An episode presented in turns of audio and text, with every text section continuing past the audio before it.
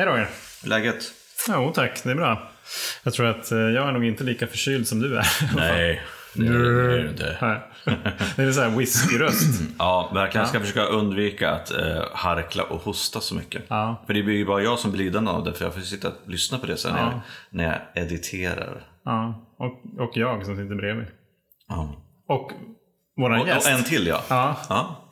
häftigt. Vem är du? Vad heter du? Mikaela heter jag. Välkommen. Eh, tack så mycket. Kul att ha dig här. Ja, superkul att få vara här. Verkligen. Berätta. Vi, vi, vi satt och pratade innan så här. Hur var det vi egentligen kom i kontakt? Mm, vi var väl inte varandra. riktigt eh, så här på det klara med det. Men, ehm, Men vi, vi har en hypotes i alla fall om hur det ja, gick till. vi tror att det handlar kan- om Manne Forsberg. Ja, just det. Ständigt denna Manne. Ja.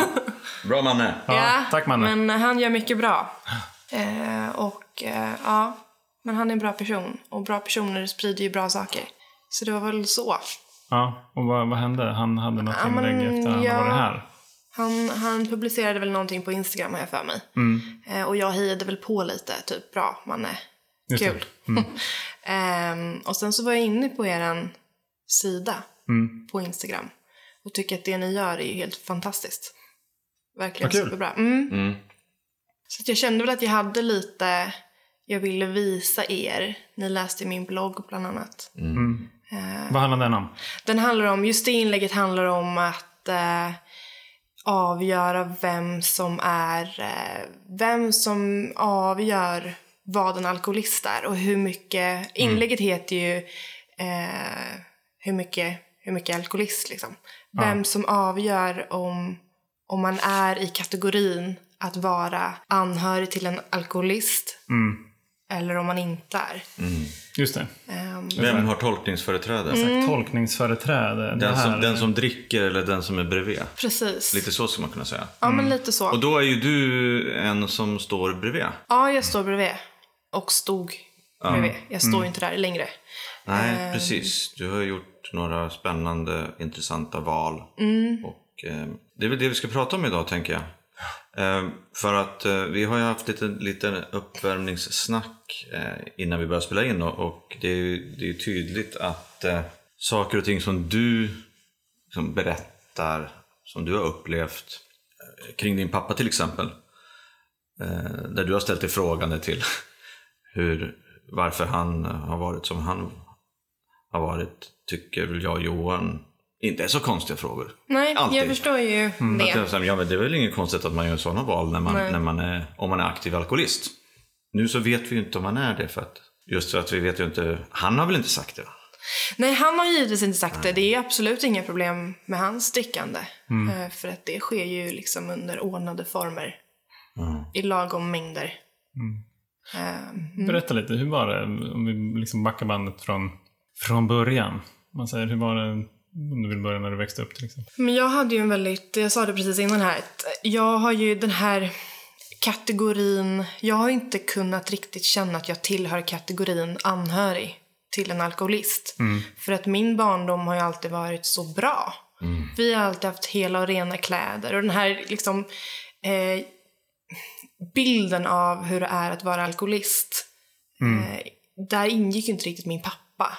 Han hade ju ett, ett viktigt bra jobb och var ju högt uppsatt chef. Och vi hade alltid pengar, vi bodde i ett fint stort hus, båt, motorcykel.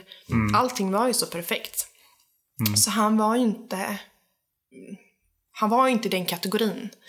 Ehm, men vi hade en bra uppväxt och, och vi hade alla materiella förutsättningar och sådär. Men det var ju på helger, det var alltid en whisky eh, vid matlagningen. Min pappa lagade helgmiddagarna. För att han var ju liksom lite bättre då, givetvis, än min mamma på att laga mat. Så hon stod för det vardagliga och när det var lyx och helg, då tog min pappa över. Så det var den där, jag kommer ihåg precis hur den här whiskyn står på bänken varenda lördag under matlagningen. Eh, jag kommer ihåg glaset, jag kommer ihåg liksom, jag ser en bild framför mig hur, hur det här glaset är halvfullt med whisky hela tiden. Ehm, och han började liksom dricka där vid sextiden. Och sen efter matlagningswhiskyn så blev det ju matvin. Mm. Och sen så var det en flaska rött som helt plötsligt hade ja, Mm. hällts i eh, honom då. Och eh, allting var liksom frid och frid. Tills den här flaskan och den här whiskyn satte sig i huvudet på honom.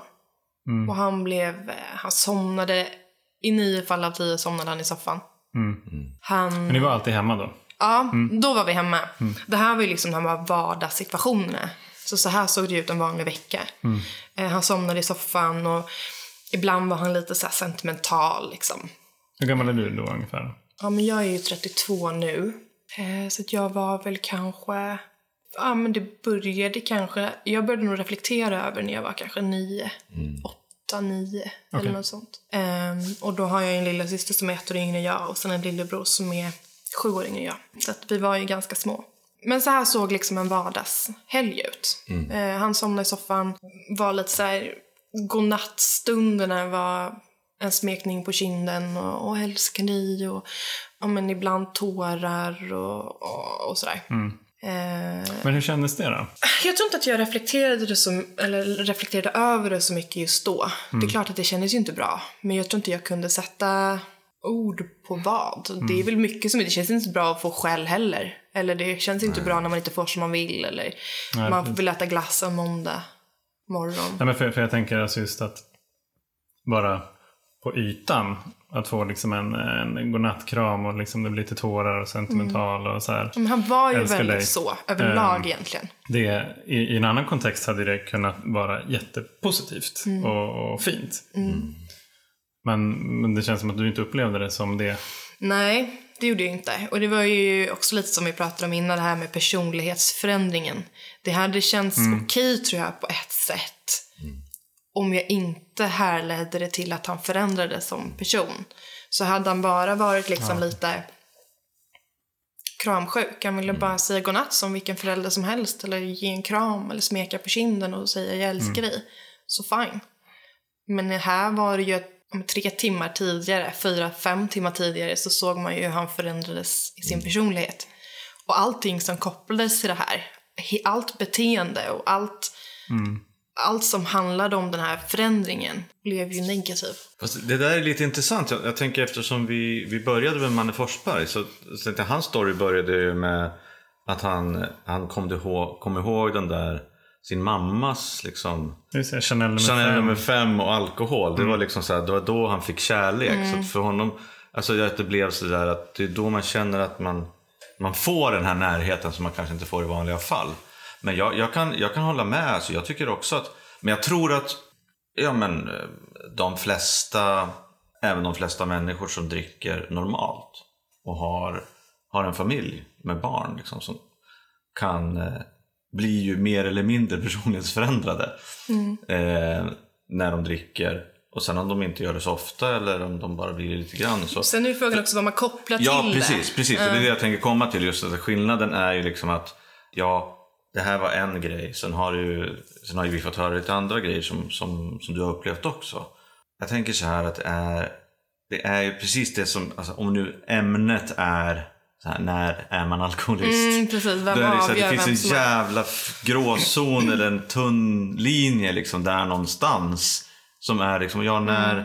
när, när, inte kanske när man är alkoholist, för det tror jag är väldigt, det är nog ganska tydligt, även fast man inte fattar det själv. Men just det där för de som är om, omgivningen. Och vissa, jag tror vissa liksom inte, vissa har fullfjädrade alkoholister i hemmen. Men de kanske inte ens märker det, eller Mm. men tänker precis. på det. Därför att de tror inte, eller de tänker att ja, men så här är väl Mm. alla. Beroende på vad man har för, för ramar eller kontext som du är inne på. Ja. Medan andra kan, kan tycka att det är väldigt, väldigt jobbigt och fel att ha, att Men ha jag bara tillhörde ju liksom Ja. inte den här, den här liksom som man allmänt pratar om, en missbrukarfamilj. Nej, nej just det. Nej. Det var ju inte min, alltså jag kände ju inte att det här, Nej. han, han var ju lyxalkis. Eller är. Men alltså, jag- jag tänker på det, om vi då pratar om alkoholism då, eller missbruk. När, när fick du liksom något grepp om vad det var och att det kunde vara någonting som din pappa liksom led av eller att han också var alkoholmissbrukare? Jag tror nog att det var när han... Vi satt ute på havet, han och jag, i våran fina motorbåt. Vi var själva ute. En morgon så, så vaknade jag av att han spyr liksom, över relingen.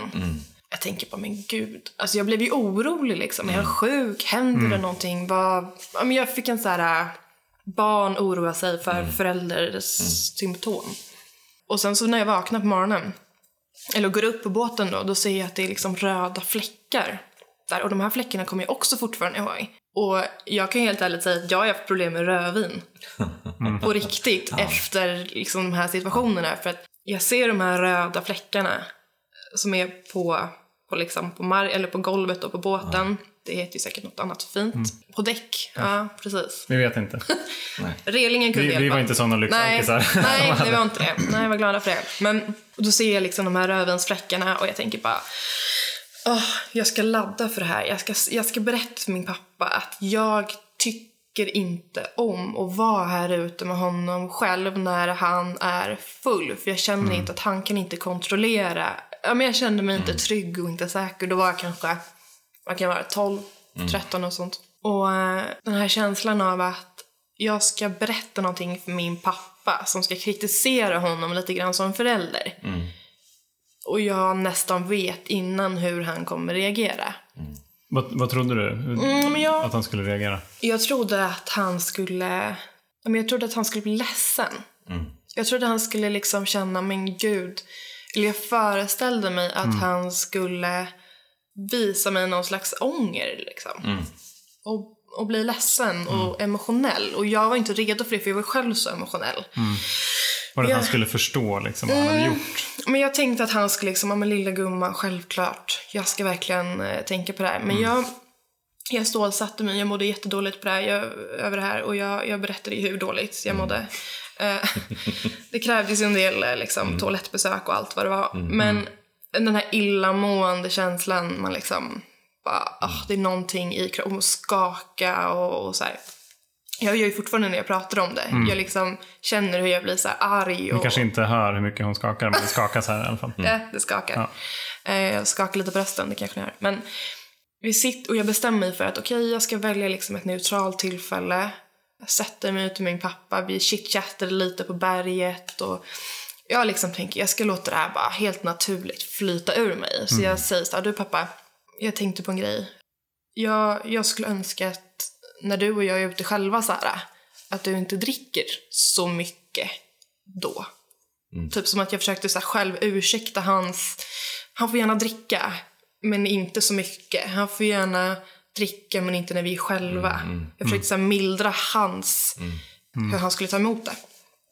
Vad händer då? Nej, men han eh, förklarar ju hur, eh, hur jävla dum jag är liksom. Som tror att jag kan styra över hans liv. Att jag kan komma och säga att han har problem med alkohol. Det var ju liksom det första. Vad fan är du och säger att jag inte kan kontrollera alkohol? Hur gammal är du här nu? Nej, men jag är vi pratar 12 om det. kanske. 12, 13. Okej. Något sånt. Och det bästa jag visste var ju egentligen att vara själv med min pappa. Åka på utflykter och liksom göra allt. Vi hade alltid kul ihop. Han var ju som sagt, han var ju inte alkoholist. Han var inte full dygnet runt. Nej. Det var ju bara vissa tillfällen han inte kunde hantera alkohol. Mm. Mm. Men... Och Eh, då insåg jag väl att det är någonting som är fel. ja, precis. Och sen på vägen måste ju det ha hänt massa saker och du har fattat en massa beslut. För att nu har ni ju ingen kontakt med varandra Nej. som jag förstår det. Eh, Hur, berätta hur vägen dit såg ut. Spikrak. Nej. eh, nej, men eh, det var väl lite där att jag insåg att han... Där och då så tror jag att jag insåg att han valde liksom sig själv före mig på något vis. Sen sjönk inte det in riktigt. Jag klandrade mig själv såklart. Hur, hur kan jag vara så dum och avgöra vad som är liksom lagom och inte? Där när, när du pratar med Ja, honom? Ja. precis. Och det fortsatte ju. Jag vågade inte ta upp det här med honom såklart. Nej. Eh, för att jag hade ju redan provat och vem är jag att avgöra Mm. vad som är lagom och inte? Gjorde han någon förändring efter att du hade pratat Nej, ingen Nej. alls. Ingen alls. Eh, förändringen kom ju först när jag... En kort förändring. När jag hade den här 25-årsfesten då. Eh, för min dåvarande sambo. Och han var dyngrak. på festen. Din pappa? Ja, min pappa. Fullast av alla på stället. Och mina kompisar tyckte det var skitkul såklart. Och liksom, ja men pappa, kolla. Din farsa dansar på dansgolvet. Han breakdansar typ. Och, och jag bara, nej. Orkar inte. Vad händer?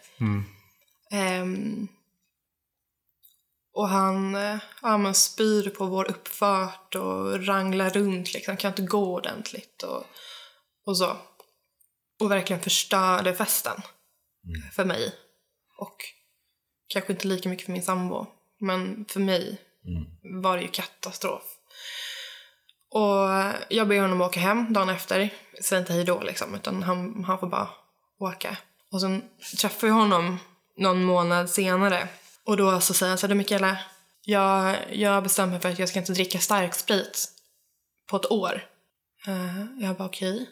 Ja men vad bra. Och jag försöker så här återigen där mildra hans... Jag, så här, jag, vill, jag är egentligen helt seriös och allvarlig men jag sa ah, men pappa det här ska jag spela in. Hehe, vad kul att du säger det. Så här, jag tar mobilen och bara pappa säg det igen. Eh, säg att du inte ska dricka alkohol på ett år. Typ det här är ett skämt. Eh, och han spelar in och, och liksom, ja. Och sen så pratar vi om något annat. För att jag vill liksom inte kränka honom på något vis. Eh, och jag kanske inte ens har fog för det. Jag kanske, det kanske är helt normalt, tänker jag fortfarande. Och sen eh, är det väl... Ja, men han klarar givetvis inte det här eh, löftet han gav till mig. Utan han säger till mig till och med, eller jag tar upp det någon gång och bara, "Ah, men då är det ingen, då är ingen eh, alkohol nu då, ingen stark sprit. Ja, men nu är det snart, har det snart gått ett år. Och då tror jag tänkte så här, nej, han kan inte, han kan inte hantera det här. Eh, för att har man, har man liksom gett ett löfte och han verkligen inte... Men eh, sen blev jag förälder. Och jag eh, var ganska tydlig med att eh, om vi ska vara där hemma och hälsa Hos på honom, hemma hos honom, Mm. då är det nyktert som gäller. Rakt av. Spelar ingen roll vilken procent står på flaskan utan det är liksom noll tolerans. Ehm, och det köpte han. Men det hade satt så mycket spår hos mig. Och det här att... ehm, alltså det har drabbat mig så hårt. Det här beteendet och att leva den här ovissheten. Att har jag en alkoholiserad pappa? Är jag ett offer? Har jag rätt att få hjälp? Kan jag ens prata om det här? Är det tillräckligt mycket för att jag ska ens... Och allt det har gjort. Att jag har ju en ganska komplicerad ett komplicerat förhållande till alkohol och folk som dricker. Och jag tror att jag kände att han har förstört så mycket i mitt liv. Det var liksom ingen riktigt konkret sådär situation, men det var så många små, små sekvenser där han valde sig själv framför mig eller mina barn. Att jag kände att det här beteendet, det hänger liksom ihop med alltihopa. Han valde alkoholen för Ja, alltså, men det här är ju... Jag tänker på det... Alltså vi har ju flera gånger i podden här suttit och gissat på hur många människor som är drabbade. Ja, precis. Ju bland annat som vi pratade med Ida Högström. Eh, lågt räknat en miljon människor i Sverige och, och lite högt räknat så fyra miljoner, nästan hälften. Och, och då tänker jag så här att ja, men det här, här har vi, här har vi eh, din berättelse liksom om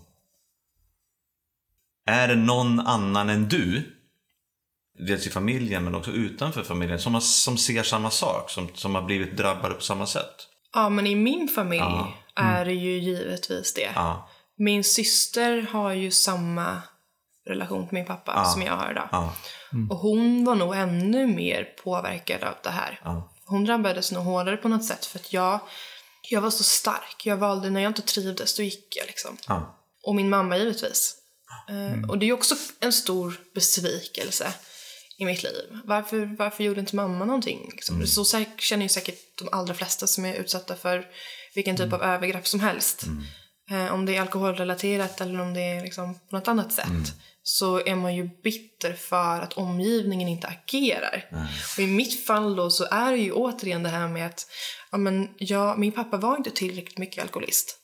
För att liksom, Nej, och just det, vad fan är tillräckligt mycket liksom? Men vad, kunde du prata med din mamma då, när du var yngre? Nej, Om, nej, absolut inte. nej. Var det någonting som ni liksom, du, du pratade Jag tror hon skämdes över det också. Eller inte skämdes kanske, men hon, jag har ju frågat henne efteråt. Varför, varför stod du ut med det här? Varför lät du oss växa upp i den här miljön? Och då är det ju samma sak där, det här med att skydda på något vis. Att, ja, men, eh, när det började spåra på middagar och fester och sådär så tog jag med er hem. Ja. Men då är skadan redan skedd. Liksom. Ja, just det. I och med att han är alkoholist. Så för mig, skadan sker ju redan när personlighetsförändringen kickar in. Vad vad- vad är det den består i, liksom den personlighetsförändringen? Vad är det du tar det på? Men jag tar det på blicken, eh, på sättet att röra sig, sättet att prata. Eh, det är väl också någonting som många anhöriga till, till missbrukare eller till sj- liksom, människor i, i de här situationerna, att de, det är någonting specifikt. Om det nu var parfymen för, för någon liksom, och, eller dansarskorna på. Ehm, Va, i- ja, precis. Och när du märker det då? Du, du, du plockar upp någon signal? Ja, men när jag plockar upp den här signalen, då backar jag och tar avstånd. Och jag Vad- blir jättedefensiv. Varför då? För att jag blir, och så är det ju i mina nuvarande relationer också, jag backar ju verkligen när någon blir, enligt mig då, för full. Och ehm, Varför gör du det? Är det för att Ja, men- skydda dig själv, tror du? jag Eller? tror det. Eller jag tror att jag blir så irriterad på den här personen. Ja, För att jag tänker så här, men fan håller du på med liksom? ja. Jag kan ju, det är ju Ja, som. Det här är ju superintressant ju. vad, vad, vad består irritationen av? Eller så, vad är det du blir irriterad Ja, på? men jag blir irriterad på, liksom, jag vet inte, om jag tänker, fan, ja men det är lite där, håller du- alltså vad äckligt, vad, ugh, vem är du? Liksom att bli... Om jag tappar liksom all respekt och jag är jättesvårt, det är samma sak som liksom med kollegor eller vänner som blir en helt annan person. Jag respekterar ju inte de här människorna. Och det är också ett problem. För att de är inte fulla dygnet runt liksom. Nej, men det det som är intressant är just det där att den här personlighetsförändringen som... Eh, ja, vi pratade om det tidigare lite grann. Ja, men det är ju det är ju den man vill åt. Som alkoholist ja. Ja, som alkoholist. Eller när man, för, för att när man dricker alkohol, många människor så här, ja vad fan, nu ska jag, liksom, nu ska jag bli personlighetsförändrad lite grann. Jag ska, bli, jag ska bli snygg och rolig. Men det här man och, kan gå och, ut för och, och bli full, Ja. det är det jag inte kan koppla. Nej, liksom. precis. Och, och, och, så, och, och i vissa fall så kan det också till och med vara så här som Johan eh, brukar vittna om. Just den här, den, eh, den här enorma längtan efter att helt bara förlora kontrollen. Ja, precis. Att bara bli helt gränslös. Som man blir då efter ett tag. Och, och jag, kan, jag kan hålla med för att jag... Det som är lite spännande tycker jag, det är just att, du, att den här näsan för personlighetsförändringen. Att du har den. Jag har ju fortfarande inte den. Alltså som jag har varit nykter i, i snart nästan 12 år. Men gäller det hos båda dig, alltså gäller det hos dem du träffar? Ja, men jag, för jag är ju inte, jag är ju inte full längre. Nej, precis. Men hos dem, när jag är med folk som dricker. Jag tycker aldrig att folk blir fulla. Nej. Men det kan ske den här Min, min, gränslösheten min sambo kan vara såhär, åh jag, jag, jag drack så mycket igår och bla bla bla. Hon gör inte det ofta. Eh, eh, eller hur Jenny? Men, eh, men, eh, Varför sitter du och blinkar sådär konstigt? nej men just det där att hon kan, hon kan tycka att hon eh, ja, men kanske var för full. Eller blev full. Medan jag bara, va? Jag märker ingenting. Du klättrar inte ens på väggarna liksom. Nej, men alltså just det där att jag, jag tycker att det, jag tycker det, blir, jag tycker det är jättesvårt. Alltså, jag, tycker, jag märker inte när folk blir sådär personlighetsförändrade. Men där är ju också en sak. på ögonen liksom, knappt, knappt det heller. Pupillerna blir så här Ja. Men där tycker jag också ganska intressant. Som, för du, Johan, sa ju att du drack för att våga. Ja, det, ibland var det så. Absolut. Mm. För det är ju också en sån här... Det är ju, det är ju också så man många gånger ser... Ja, men du dricker för att våga. Många dricker för att våga. Många dricker för att våga fråga den där tjejen eller killen efter ett nummer. Eller... Ja. Min pappa var ju... Han var ju alltid i centrum. Han var ju, nykter eller inte, han var ju alltid den som stod i centrum. Som pratade mest, som, som syntes bäst. Allt det där. Och det var också en sån sak som, jag hittade inte själv någon anledning. Varför skulle min pappa... Han var ju inte, han var inte någonstans inom ramarna för att vara alkoholist. Ehm, Anledningen till varför man dricker är det som är intressant någonstans. Alltså just den här... eh, Ja, jag kunde absolut dricka för att våga. Men det var ju, det var ju mycket mer liksom att, att förlora kontrollen helt totalt. Att bli liksom gränslös. Att slippa, slippa känna pressen av det här ansvaret som jag tyckte att jag tog så oerhört mycket på jobbet till exempel. Så hade, det var jätteviktigt för mig att ha jobbet. Eh, för att det var ett bevis, det var ett kvitto på att jag inte hade några problem. Och eftersom jag då hade bevisat att jag inte hade några problem, då kunde jag dricka hur mycket jag ville. så så här, logiken är inte total kanske, men det var tillräckligt logiskt för mig i alla fall. Och det funkade ju ganska länge. Funkade ju tio år. Ja, men jag tänker så här att det finns, det finns miljoner goda och dåliga anledningar till att man börjar dricka. Alla människor börjar dricka. Men det finns egentligen bara en anledning till att man inte kan sluta dricka. Och det är att man är alkoholist. Därför att oavsett varför man väljer att självmedicinera eller dricka alkohol, om det är självmedicinering eller för att ha kul eller för att Det är eh, gott kanske. Ja, för att det är gott eller för att man är ledsen eller för att man är glad. Så, är det så, så länge man någonstans inte, känn, inte blir kontrollerad av alkoholen. Ja. Utan att man har liksom, det spelar inte så stor roll om man får dricka eller inte dricka just nu. Då så kanske man inte är alkoholist, men så fort man, så fort, om man börjar känna det här att jag kan inte låta bli. Det enda jag tänker på är att när jag ska få dricka nästa gång. Och just att ha såna här rutiner eller ritualer för att som nästan man har byggt upp. Alltså det är så att en, en, en, en riktig alkoholist skulle ju gå matlagningskurser. Bara för att få ha en anledning att ha en groggbänk liksom framme i köket. Mm, men den eh, kan jag tänka mig. Eller Alltså, bara ta hela vardagens middagar till slut för att man... Ja, Har men liksom sådär att man, man, man, eh, man hittar på allt möjligt. Och sen en annan grej som också tycker jag är ett ganska tydligt tecken. Det är att, att dels att om man, om man går i försvar när man blir ja, men tillsagd eller om någon frågar en liksom så här, men hur är det? Det verkar som du dricker lite mycket. Om man då direkt bara brusar upp och vill liksom sätta Men för min, min förhoppning var att min pappa skulle...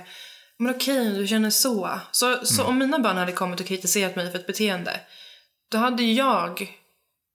Okej, hur upplever du det? Och vad kan jag göra annorlunda? Och han var ju direkt bara liksom, du är dum i huvudet. Du är en snorunge, du kan inte komma hit och liksom Nej, berätta för mig hur jag ska leva mitt liv. Och så sa han ju många gånger. Om inte du älskar mig för den jag är, så okej.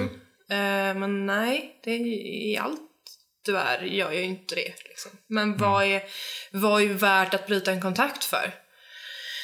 Tillräckligt mycket alkoholist. Var han det? För att jag skulle ha en, liksom, vara motiverad att bryta en relation? Var han tillräckligt mycket alkoholist för att jag skulle kunna ställa de här ultimatumen? För du gjorde det. Mm, jag gjorde det. Vad- Hur gick det till? Nej, men jag, jag ville ju inte... Jag kände nog att när jag blev förälder, när jag blev mamma, då hade jag ett legitimt skäl. Att faktiskt, jag tar inte hit, för då, då var ju... Mitt jobb var ju att skydda dem. Nu efteråt kan jag tänka att det viktiga var hur jag kände. Inte hur det var. Eh, utan att jag kände att det blev för mycket. Det borde räckt. Eh, och det har jag insett nu, att jag har gjort rätt val. Eh, för att han fick mig att inte må bra. Och val han gjorde fick mig att eh, tappa respekten för honom som pappa. Och ehm, då kunde jag liksom säga att vi kommer inte, jag kommer inte ta hit mina barn om du dricker. Mm. Då var det mer riktat mot liksom, jag vill inte att du dricker när vi är här. Nej.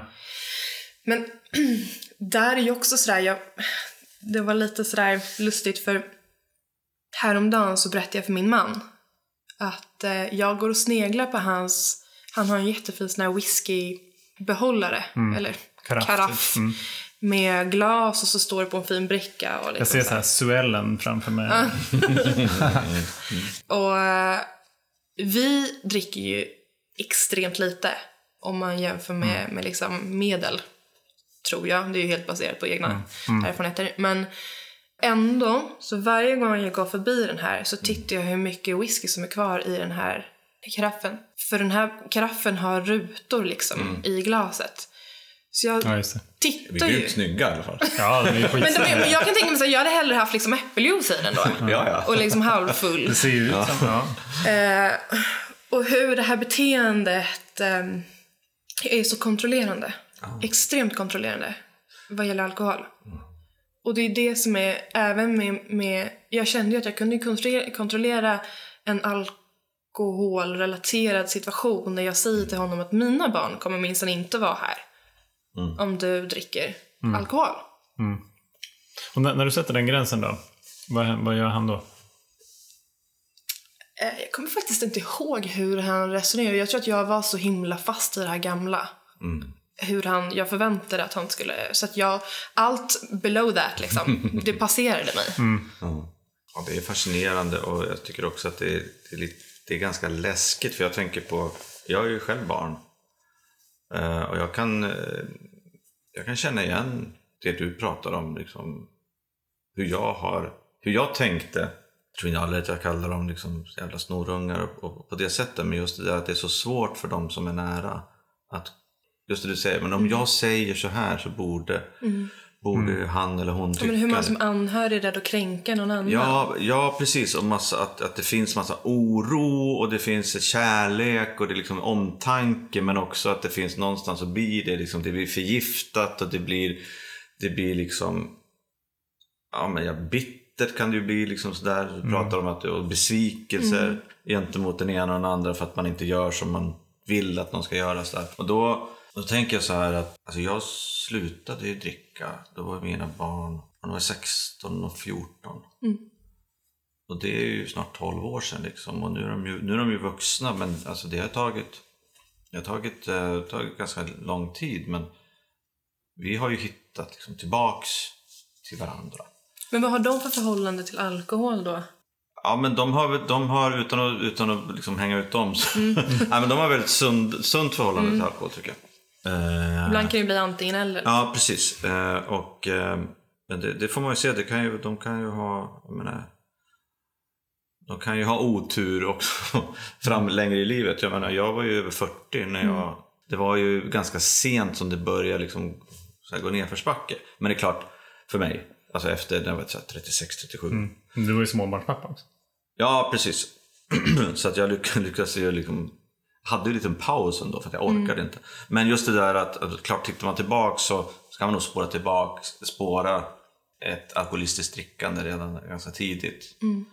Men, men det som jag tänker på det är att även om det har gått liksom lång tid, nu är du 32 och vi börjar prata om att liksom börja uppleva det här liksom, kanske första gången när du var 8-9 och du har inte längre kontakt med din pappa men ändå så det verkar ju på mig så i alla fall att du bär ju på väldigt mycket av det här liksom fortfarande. Absolut, Att det det påverkar påverkar, dig. Absolut. Och det är också det som är så läskigt liksom.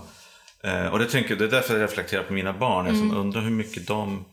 Und, jag undrar lite grann hur skillnaden är att ha liksom en pappa då som jag som kanske har slutat. Och, och ha en pappa som inte slutat. Vad det gör med, inte bara den som slutar dricka utan alla de runt omkring. liksom. Vet du, dina barn har ju fördelen här att kunna få svar. Ja.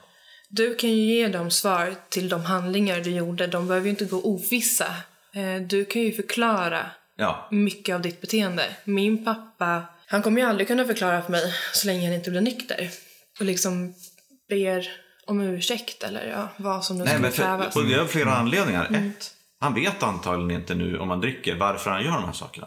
Alltså om jag tänker tänker tillbaka på hur Nej, vi funkade när vi drack. Nej, absolut. Vi kan ju inte, det är svårt, att, det är svårt för oss att fatta liksom nu menar, det, att vi kunde hålla på som vi gjorde. Ja, alltså, om man kollar tillbaka, liksom, alltså, det tog ju 15 goda år av liksom alldeles för mycket drickande till att jag skulle säga, ah okej, det, kanske är, det kanske är drickandet som är ett problem.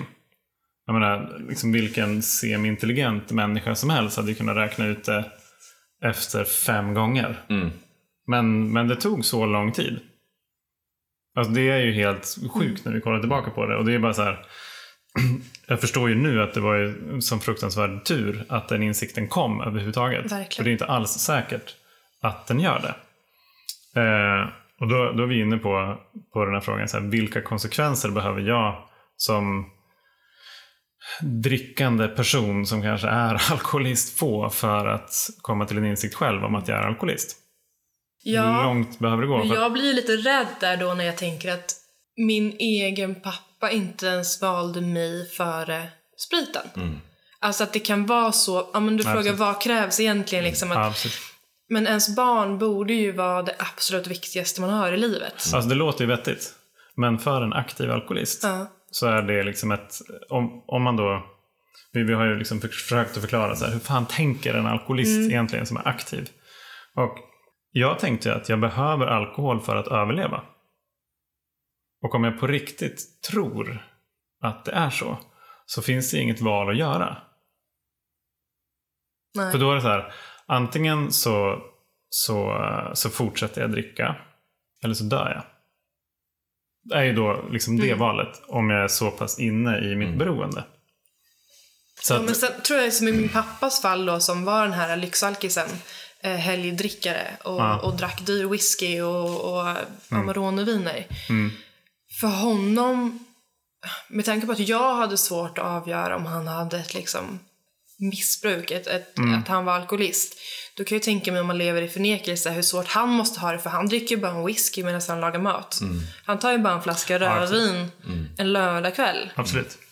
Eller på semestern. Mm. Eller, alltså det, han hittar ju tillfällen. Han, han drack ju inte en tisdag. Nej, just det. Och på tal om det, men jag kommer ihåg det. Jag ställde en liten fråga här för ett tag sedan. Men just det, hur... Nu har vi fått se liksom din, höra din berättelse. V- vad, vad tänker eller tänkte människor utanför er familj om liksom, er pappas drickande? Ja, men de märkte ju ofta inte det. Alltså, den enda gången de såg honom dricka och bli liksom kanske för full. Ja, Det var ju de gånger vi var på fest. Jag menar, vi var ju inte på fest Nej. varje helg. nej. Det var ju... Många gånger var det också så... Men jag kommer ihåg vissa, vi, vi träffade, vi umgicks med våra grannar en del. Och ehm, eh, i en av familjerna så var ju pappan precis likadan liksom. Fast det pratades i min familj om att han, han har problem med alkohol och han blir alltid så full. Klockren, eh, men- gött att projicera. Det är en Ja, ganska men- bra strategi om man vill. Ja men eh, säkert, och jag kommer ju ihåg liksom hur han var så här, blev dumförklarad av min pappa och av min mamma att han är så sliskig. Och han var ju mer sådär, uh, alltså burdus och liksom klängig och, och så när han blev packad. Jag kommer ihåg liksom när man var där och han skulle dansa med en och... Ja. Men det där är så läskigt. Jag tänker på det för att jag, jag kommer ihåg då när jag höll på och drack. Vi hade flera bekanta som vi umgicks med som vi bjöd hem. Men jag visste ju att om vi bjuder hem det här paret eller den familjen. de Ah, nej, fan det var en strategi alltså. Självklart. Ja, men för, att, givetvis. för att jag vet ju någonstans att min fru eller exfru tycker att han dricker Exakt. mycket mer än vad Men jag gör. Det där makes sense. Så, tar jag, Nu- så bjuder vi hem dem, för då, så, då kommer han och då kommer han att hålla tempot. Han tar över showen Ja, liksom. Han håller tempot, han har med sig en massa öl och någon whisky och lite vin. Han håller tempot. Jag, jag är bara oskyldig, jag sitter här och men hallå, jag bara, hänger, Nej. jag bara följer med, follow the, the flow här. Vill inte liksom låta honom dricka själv. Nej. Och så hade vi, Nej, och så, men grejen, det, värsta, det värsta var, jag Japp. hade gjort det en gång. Så kommer de dit. Och då har väl de haft någon diskussion hemma. Så att min kompis då, han kör. Och jag bara, jag står så här på och jag bara, liksom eh, en, en, typ en vinare i varje hand och Ja. tänker att nu ska vi liksom börja grilla eller vad vi ska göra. Nej men, nej, men jag ska inte dricka någonting ikväll. Alltså, Bad du dem åka hem eller? jag fattar inte hur han kunde göra så mot mig. Nej, nej, nej. Det är ju vidrigt gjort. Sjukt elakt. Snacka om uh, Nej men så att, ja absolut. Och, och det är det jag tänker på också. Jävlar vad kränkt jag hade blivit. Manipulation, taktik och strategi. Det är ju allt som för- finns i huvudet. Och jag tänker också på så här att till exempel en sån grej som jag har ju sagt. Jag kommer jag bjöd min mamma på, mid- eh, på lunch efter en, eh, en helg. Hon hade haft eh, faktiskt en släktträff i sin stuga. Och jag och en av mina kusiner, vi hade så här börjat, börjat liksom snapsa så klockan ett på eftermiddagen. Så att jag var ju färdig att somna. Och så, det det var så fotbolls-VM också. Sverige åkte ut i någon kvartsfinal mot Holland. Det här var ju ganska länge sedan. Men i alla fall. Och, och så hela dagen, hela kvällen gick i det där och sen så på, på dagen efter. ja, Jag, jag kommer ihåg att jag var så jävla full och min, min, min familj ja, var så väldigt besviken på mig. Så dagen efter så då berättade jag att jag ska sluta dricka. Mm. Sa du det? Ja. Ja. Till din familj. Så att någon hörde? Ja, ja. Bjöd min mamma på lunch. Bara, du, jag har bestämt mig nu för att sluta dricka. I åtminstone en månad.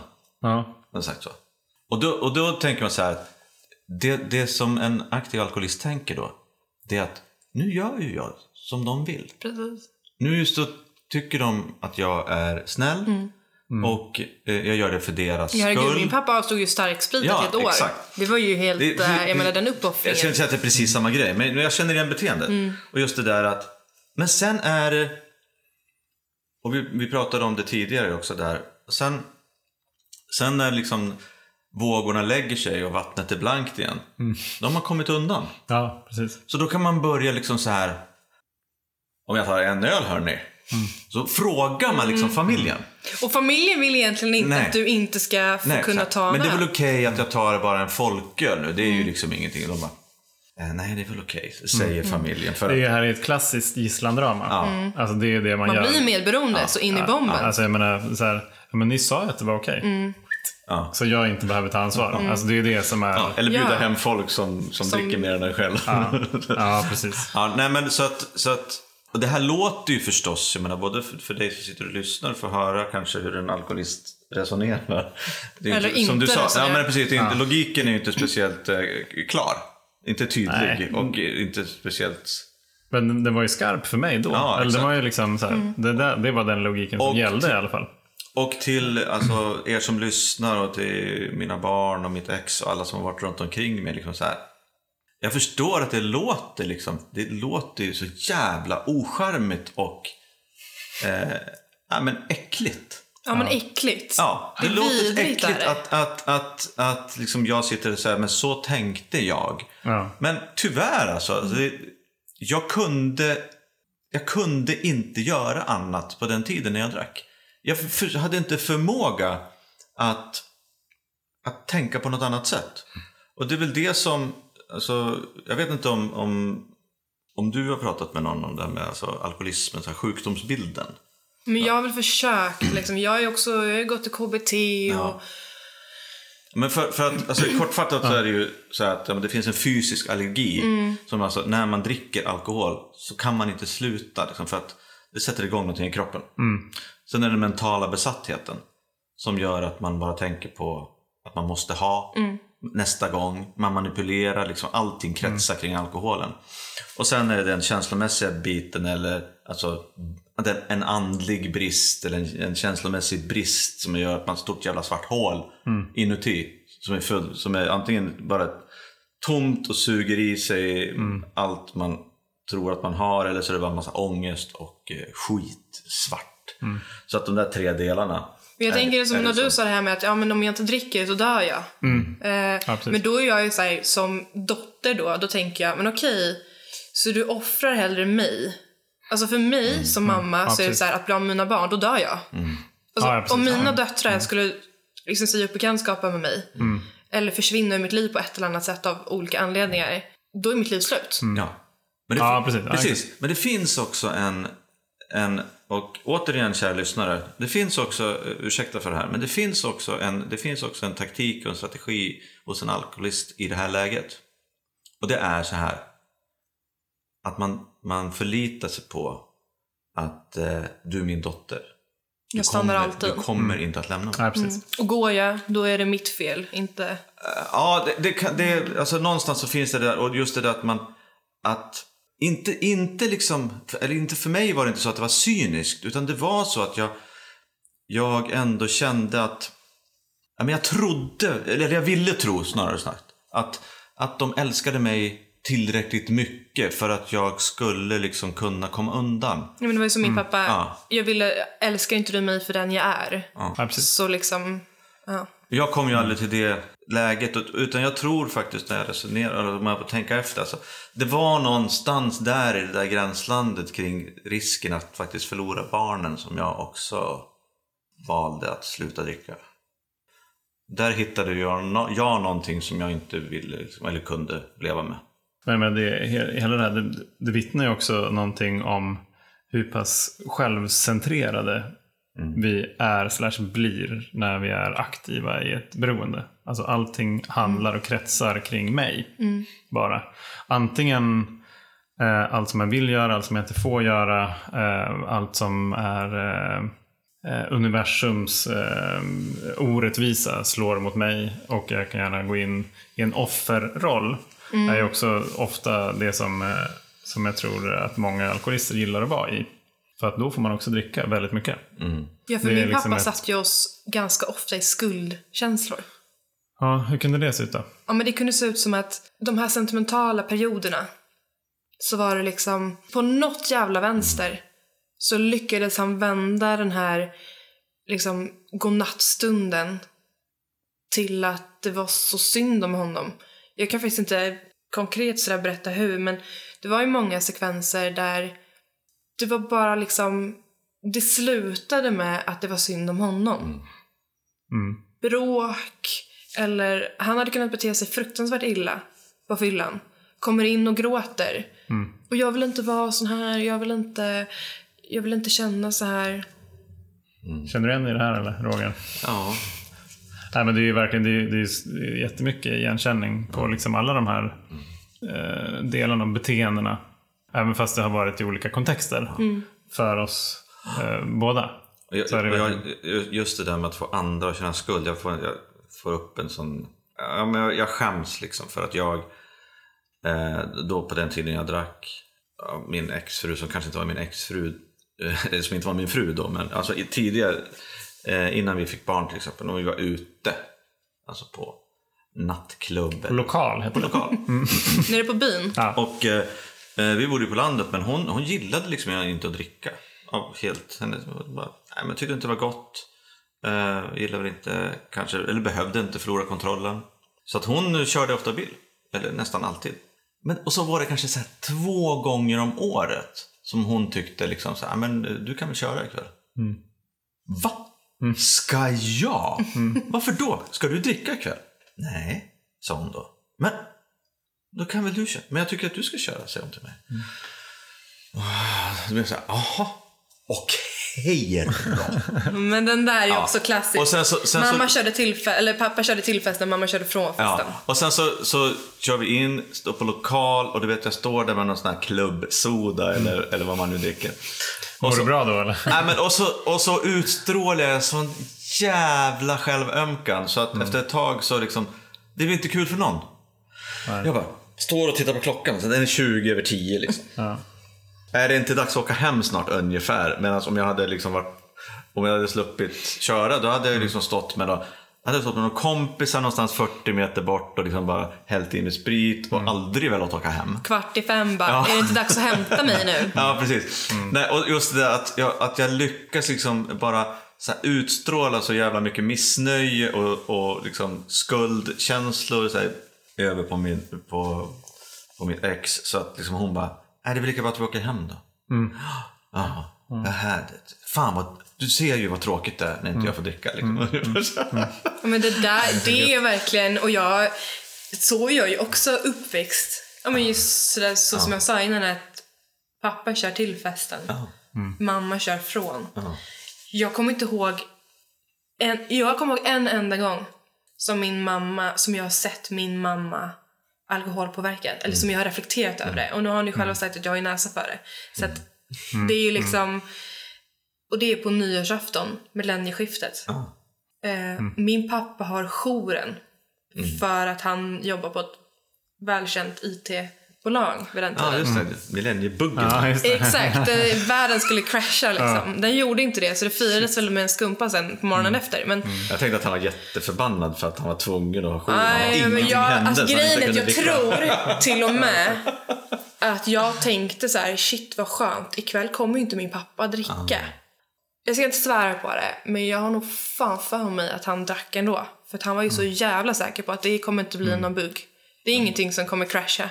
Det, Eh, vad heter det? Jag har en fråga. Du nämnde KBT och terapi. Vad, berätta, vad gick du i terapi för? Varför ville du gå i terapi? För att jag blev eh, deprimerad när jag fick mina barn. Det var så mycket, jag hade så höga krav på mig själv. Dels det här med min egen uppväxt då, att jag ska minsann se till så att mina barn inte får den här upplevelsen. Det ska finnas alltså, noll alkohol. Eh, jag hade så mycket krav, så mycket förväntningar på att kompensera för min egen Ja, okej. liksom, upplevelse. Att jag, så fick jag två barn ganska tätt då. Så det var mycket som hände på samma gång. Och i samband med det här så bryter jag med pappa. Och ja, men jag kände liksom att jag... När jag blev förälder då kunde jag ta ansvar på ett helt annat sätt. Jag kunde tillåta mig själv att det jag känner är viktigt. Som jag mår, det är relevant. Och mm. jag borde ha gjort det mycket, mycket tidigare. Men eftersom att, jag menar, var min pappa alkoholist eller? Ja, precis. Men jag menar, det, det är ju så här att jag menar, det finns väl många som mm. kan växa upp i, i dysfunktionella familjer.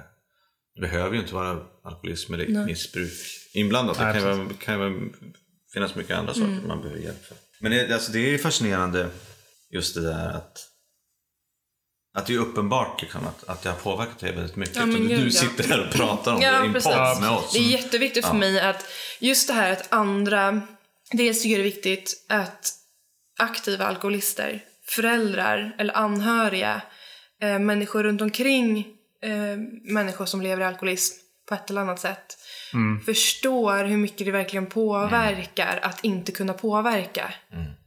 Jag kunde inte få den jag trodde skulle skydda mig mot allt i världen att välja mig. Ja, just har, har du mm. liksom kommit till eh,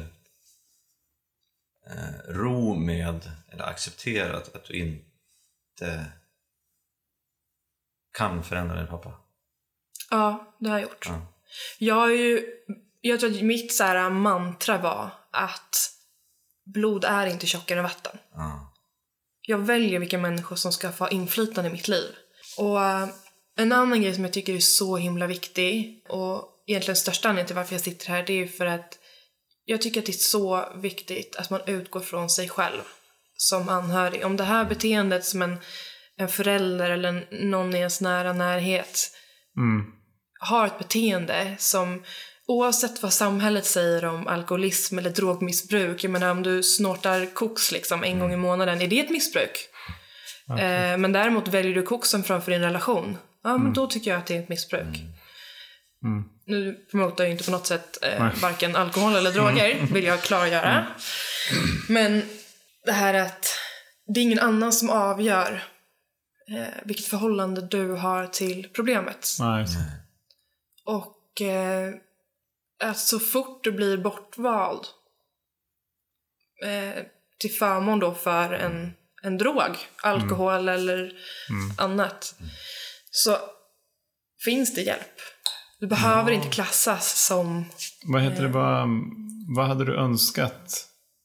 Vilken hjälp hade du önskat fanns då? Jag hade önskat då? att eh, ni fanns exempelvis och kunde prata om det här. Jag hade önskat att det fanns, att det inte var så svart och vitt. Att det inte är alkoholist eller inte alkoholist. Eller vad ja. är alkoholist? Alkoholist behöver inte vara någon som sitter på en parkbänk. Nej. Ja, precis. Eh, det är inte ens så att den som sitter på en parkbänk är alkoholist. Nej, Nej ja, precis. Nej, men det där, det... Det, det där är ju jävligt svårt för att alltså, jag sitter och tänker på, ja det finns ju, det finns ju liksom ja, men självhjälpsgrupper till exempel, ett tolvstegsprogram eller, eller gruppterapi för Ja, det finns ju både för anhöriga mm. och så finns det ju för medberoende. Mm. Och sen finns det ju andra liksom så här. Men det är just det där att vem ska, vem ska avgöra Exakt. om du är en anhörig yeah. eller en medberoende? Mm. Eller eh, om du bara liksom Som 13-åring vet du inte ens vad alkoholist nej, är. Nej, exakt. Så, så det, jag tycker att det är en jätteviktig diskussion. Jag tycker att det här snacket har fått mig att liksom förstås tänka tillbaka mycket på min, min, egen, min egen påverkan av dem runt omkring mig. Och jag tycker att det som är det tragiska här är ju någonstans att det är ju liksom vattentäta skott mm. eh, mellan den här en missbrukare, en aktiv alko alkoholist som, inte, som vägrar att ta in information, inse fakta och sen de anhöriga på andra sidan av det här som inte förstår varför en annan människa väljer att behandla mig på mm. det här sättet. Och, liksom, ja, precis. och egentligen så, så känns det som att man befinner sig liksom i olika universum. Mm. För att man liksom noll förståelse mellan ja, de här. Och jag tror att det är jättesvårt att nå det, alltså för, framförallt för, eller egentligen bara för att, att den här alkoholisten då, eller jag själv då, jag måste ju komma till någon, någon sorts läge där jag faktiskt har är kapabel att ta in någonting annat än mitt eget jävla destruktiva ego. Ja, precis. Vi har ju pratat mycket om så här, alltså öppna upp, bli villig. Ehm, det, att bara så här, komma, till, ja, men så här, komma till en punkt där jag kan se att ja, men det kanske finns någon annan som har rätt. Ja, det kanske inte bara är jag som har det. Och det här att man liksom, är du barn exempelvis, då finns det ju skyddsnät i form av socialtjänster eller liksom andra typer av, när det är, en, eh, när det är en syn, ett synligt missbruk i en familj så kopplas ju hjälp in. Ja, När missbruket inte är synligt och det enda som skulle kunna rädda relationer är ens egen insikt som alkoholist. Om min pappa bara hade insett att okej, shit, jag har ett problem. Då kanske han hade pratat med oss. Det här är ju en rent drömscenario. Men inser jag ju själv när jag säger det. Men om han hade pratat med oss liksom, okej hörni kids, jag har ett problem. Jag är alkoholist och jag kommer ta hjälp för det. Det finns också hjälp för er att få. ja precis. Jag ska se till så att ni får den hjälpen ni behöver. Men hur Precis, och ofta är ju- händer det Jag liksom? menar, det, är, det, är, det är en bråkdel av alla som är Precis. i, i liksom Det måste ju vara någon yttre och i- påverkan. Och i, ja. precis. Ja, men det är så här, och vil, vilka konsekvenser är det som gör att jag då som aktiv väljer att öppna Mm. upp och bara shit, kolla på det som händer. Men hörde du av dig till till exempel så här BRIS eller liksom Nej, ringde du aldrig. till någon sån? Nej. För jag var ju... Mina föräldrar separerade ju sen jag fyllde 18 typ. Och eh, tog ett jobb där jag aldrig var hemma. Ut och reste runt i hela Sverige. Jag var liksom inte... Jag lämnade familjen tror jag. Det var jag som flydde. Eh, Just där och just då. Och jag trodde nog, och jag har alltid varit såhär, jag klarar mig själv. Jag klarar mig själv. Det är, jag behöver ingen hjälp. Det är därför jag tycker det är så viktigt det här att liksom kunna känna igen när man faktiskt behöver hjälp. Eh, och att man kan inte, man kan liksom inte göra någonting som barn egentligen. När ens förälder är i det här eh, missbruket. För de kommer inte välja. Men, ja, precis. Men jag, jag tycker att ändå det är, det är, det är spännande att du pratar just om där, alltså, vad, vad hade du velat haft för hjälp när du var tonåring till exempel. Men just att du säger att det, till exempel att lyssna på poddar. Därför jag tror att du är någonting väldigt viktigt på spåret där. Det är att, alltså, väldigt få människor som är i de här dysfunktionella liksom, relationerna har någon jävla aning om varför, att, de är det. Vad fan de ska göra åt saken. De vill inte ens erkänna att de är... Vissa vill inte erkänna att de är alkisar eller har problem med alkoholen och de som står bredvid kanske inte vill erkänna men ja, nej det där är hans problem. Nej, jag har precis. inget problem med det Och det här där. med att ursäkta sig själv, den som jag har gjort alltid. Ja. Men jag hade ju hela och rena kläder. Jag, Ja, hur, vem är jag att klandra min pappa och hänga ut honom när han gav mig en trygg, stabil Ja. uppväxt? Ja.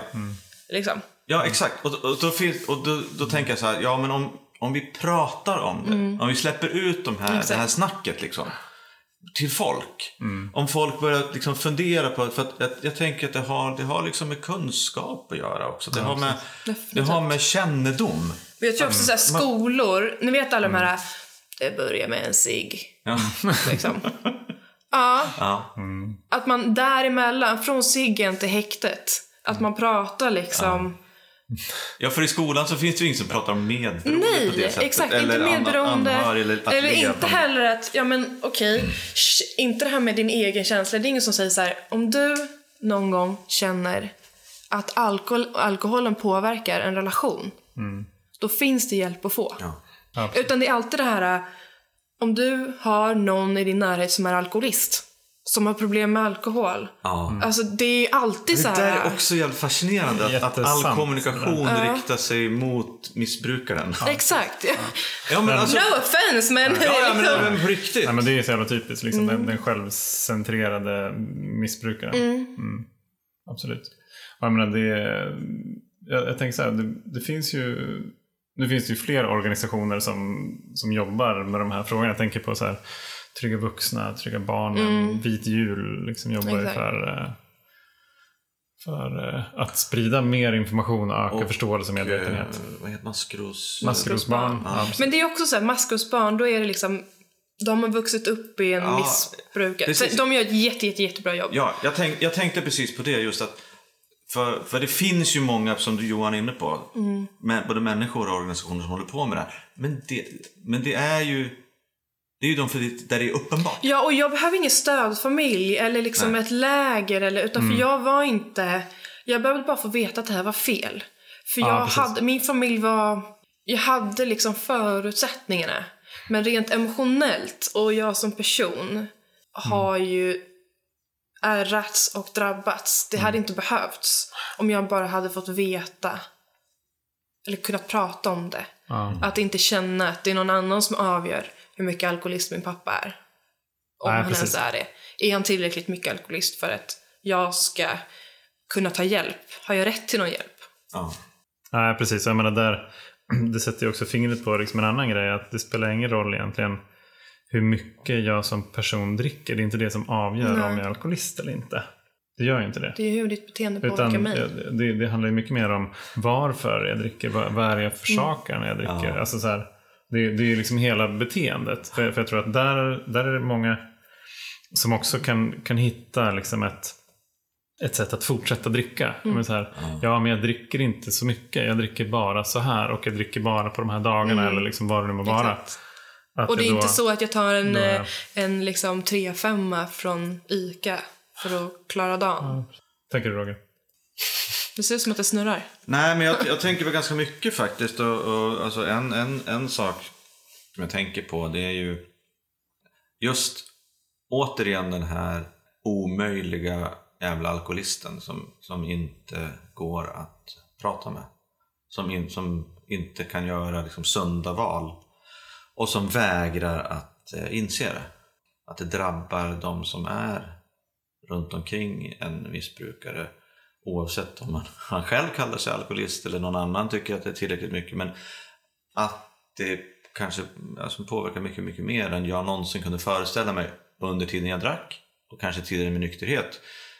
Men som vi nu, i och med att vi har pratat med ganska många människor och, och även skrivit med en del människor om just det här. Ja. Just de här relationerna med människor i den här typen av problematik så tycker jag att det är så jävla... Jag är jätteglad att, att vi fick snacka med dig för att jag tycker att det är viktigt att de här frågorna kommer upp. Det är jätteviktigt och jag känner mig bara som, som ännu mer tacksam att, att men, om, av egoistiska skäl. Liksom. Fan, jag har lyckats ändå... Jag lyckades bryta det där. Alltså för min skull, ja. För jag har ett fantastiskt liv. Men också för men mina barn och mitt ex och, och alltså Jenny som jag har en relation med nu. Liksom att jag finns här som en, som en människa som kan ta ansvar och vara liksom schysst. Och kan se, se saker liksom på ett nyktert sätt. Eh, och det... Jag vet inte om jag vågar ge mig in dit igen, men det är ju liksom just det där att när man är där som din pappa är eller var. Det enda som han tänker på då, tänker jag, eller som jag tänkte på när jag var där, det var liksom att jag kan inte sluta. Jag kan inte sluta, för att om jag slutar då kommer mitt liv vara slut. Om man tar bort alkoholen, då har jag ingenting kvar. Och det är ju där de människorna, där jag var, där du var. Och sen så kommer man till någonstans som man slår i botten. Okej, så ja, jag måste sluta. Jag kan inte fortsätta för att då dör jag. Men okej, livet får väl vara grått och trist och tråkigt då. Ja. Men jag kan inte dricka, jag kan inte hantera alkoholen. Då kommer det acceptansen. Men sen om man fort, fortsätter jobba, som vi har gjort i ett 12-stegsprogram, ja men då får man ju plötsligt, förr eller senare, jävligt bra liv. Som Mm. det är det jag som tänker. Jag kan ju och så- bli så menar, vi går- varför vill inte han ha oss i sitt liv? Det hade Ja. gett honom så, så mycket. Och varför vill han inte? Men han ser inte att det valet finns nu. Nej.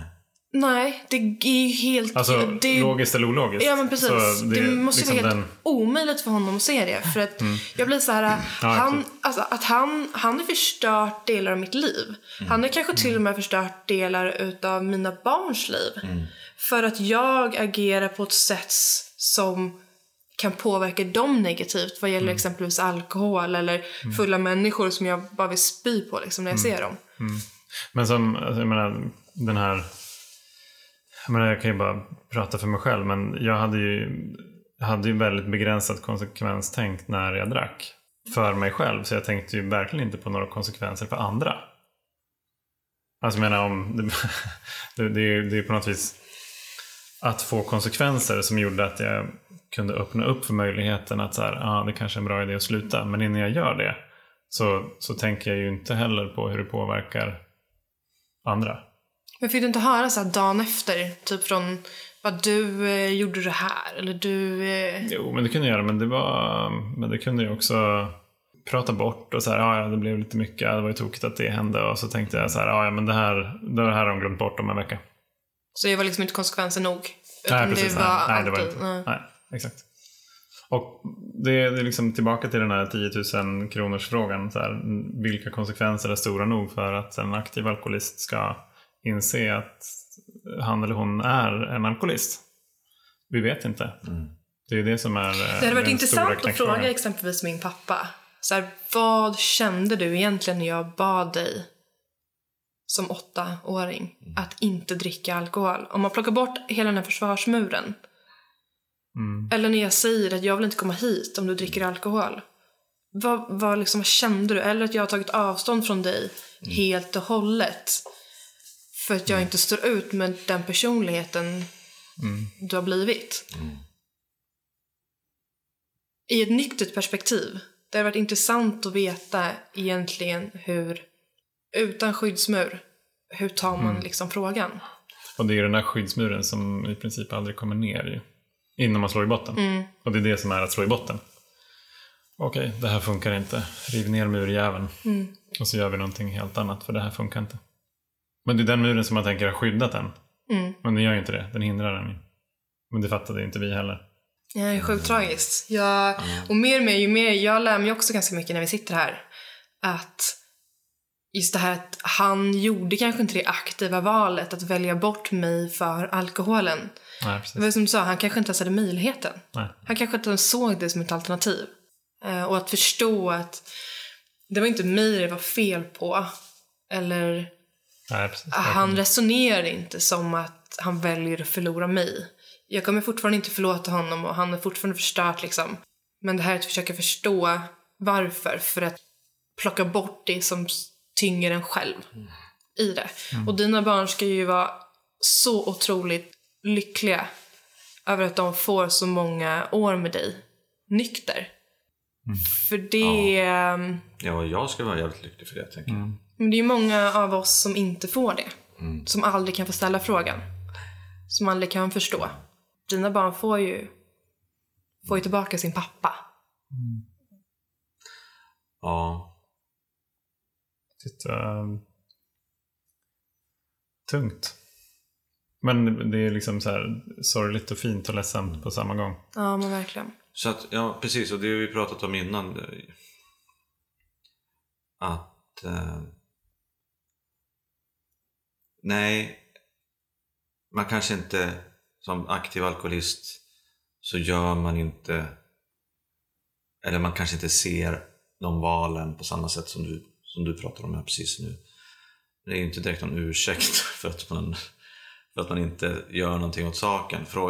Poängen är att vi vet inte riktigt vad det, vilka konsekvenser det är som kan göra tricket.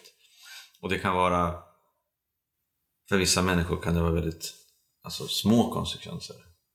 Vilda. Men för andra människor så blir det aldrig för stora konsekvenser. Utan man, man dricker antingen tills man dör eller dricker ihjäl sig. Liksom. Eller tar livet av sig. Så att det är, jävligt- det är jävligt svårt. Eh, det är absolut inget försvarstal för, för en aktiv alkoholist utan det är mer faktiskt bara ett försök att, att belysa galenskapen. Mm. Ja, Alltså det...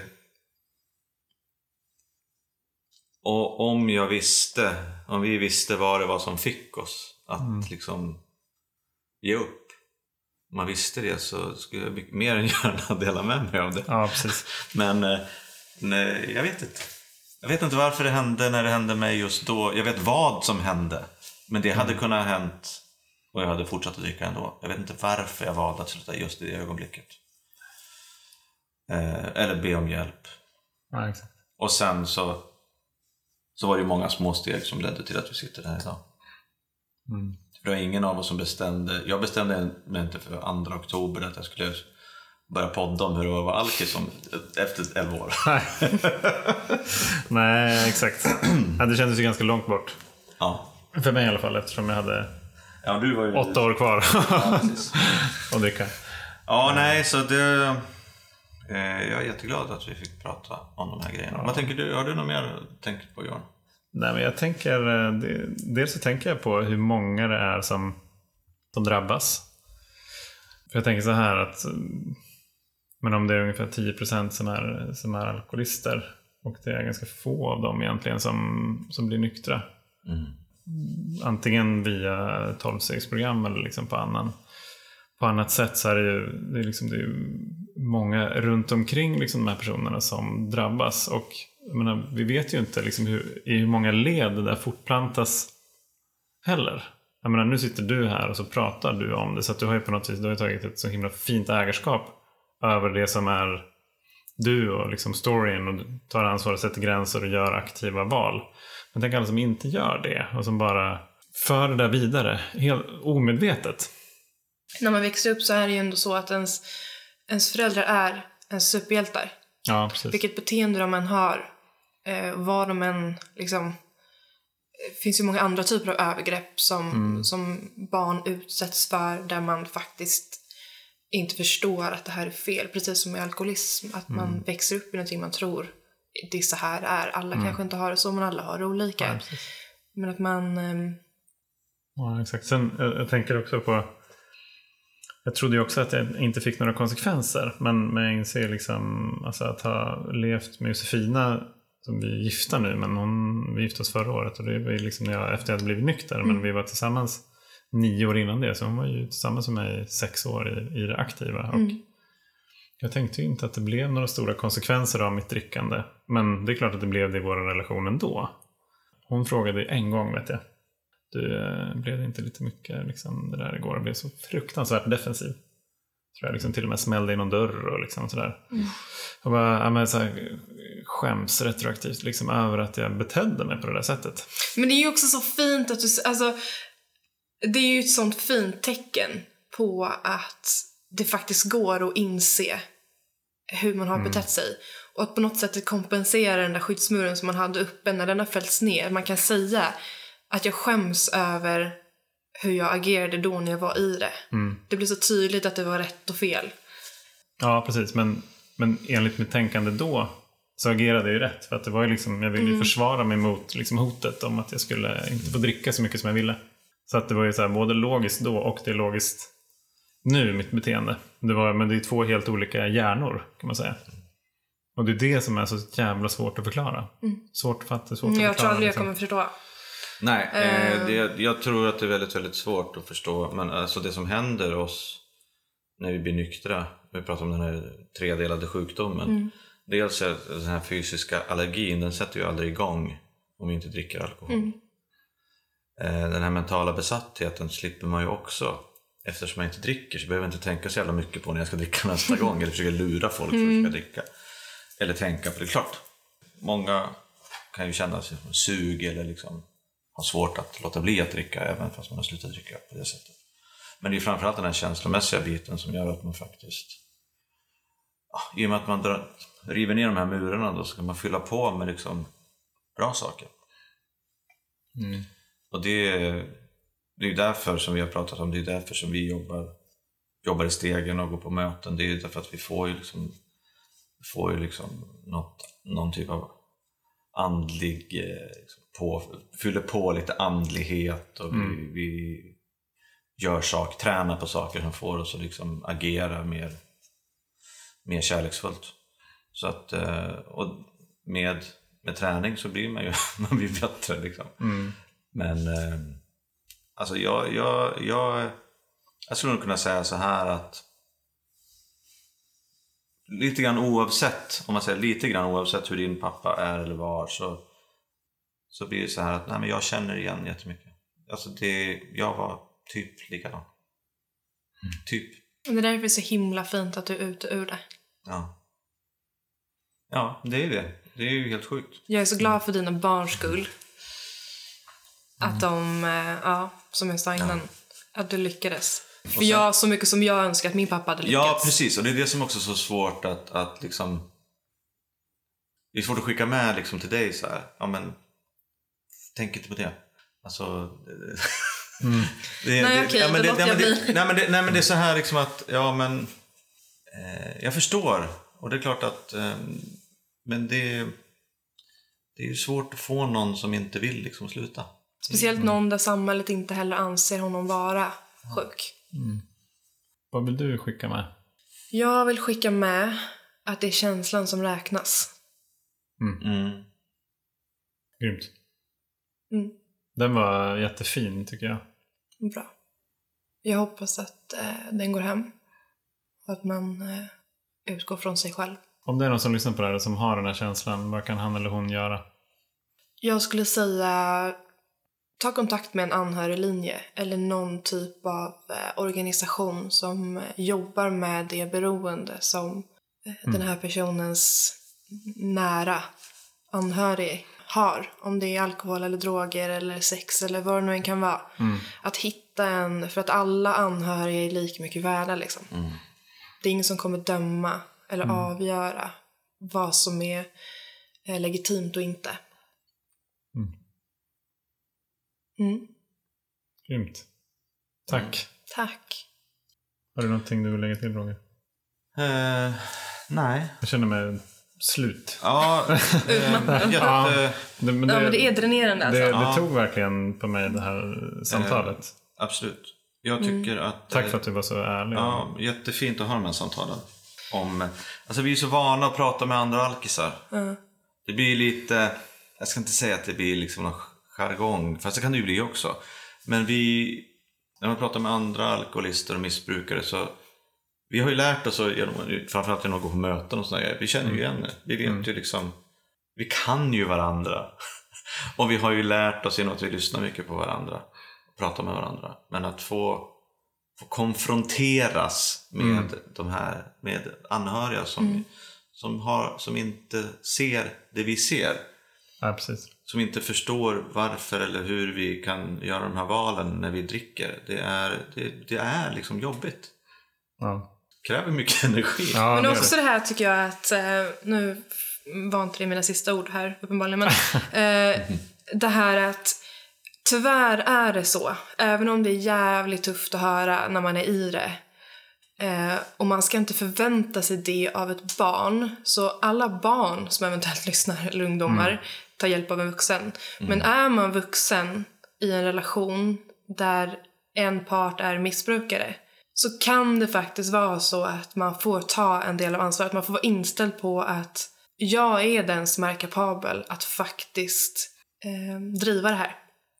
För att du som alkoholist är inte det eftersom att du är i sjukdomen. Eh, det är tungt och det är jävligt men eh, att ta hjälp är, är så viktigt. För att eh, vill man göra någonting om man vill vara med och bidra, då får man gå in med inställningen att jag är den som är frisk. Um, tough shit, men jag får ta lite mer ansvar. Precis, Jag tycker också vi kan, kan passa på att tipsa om Medberoendepodden.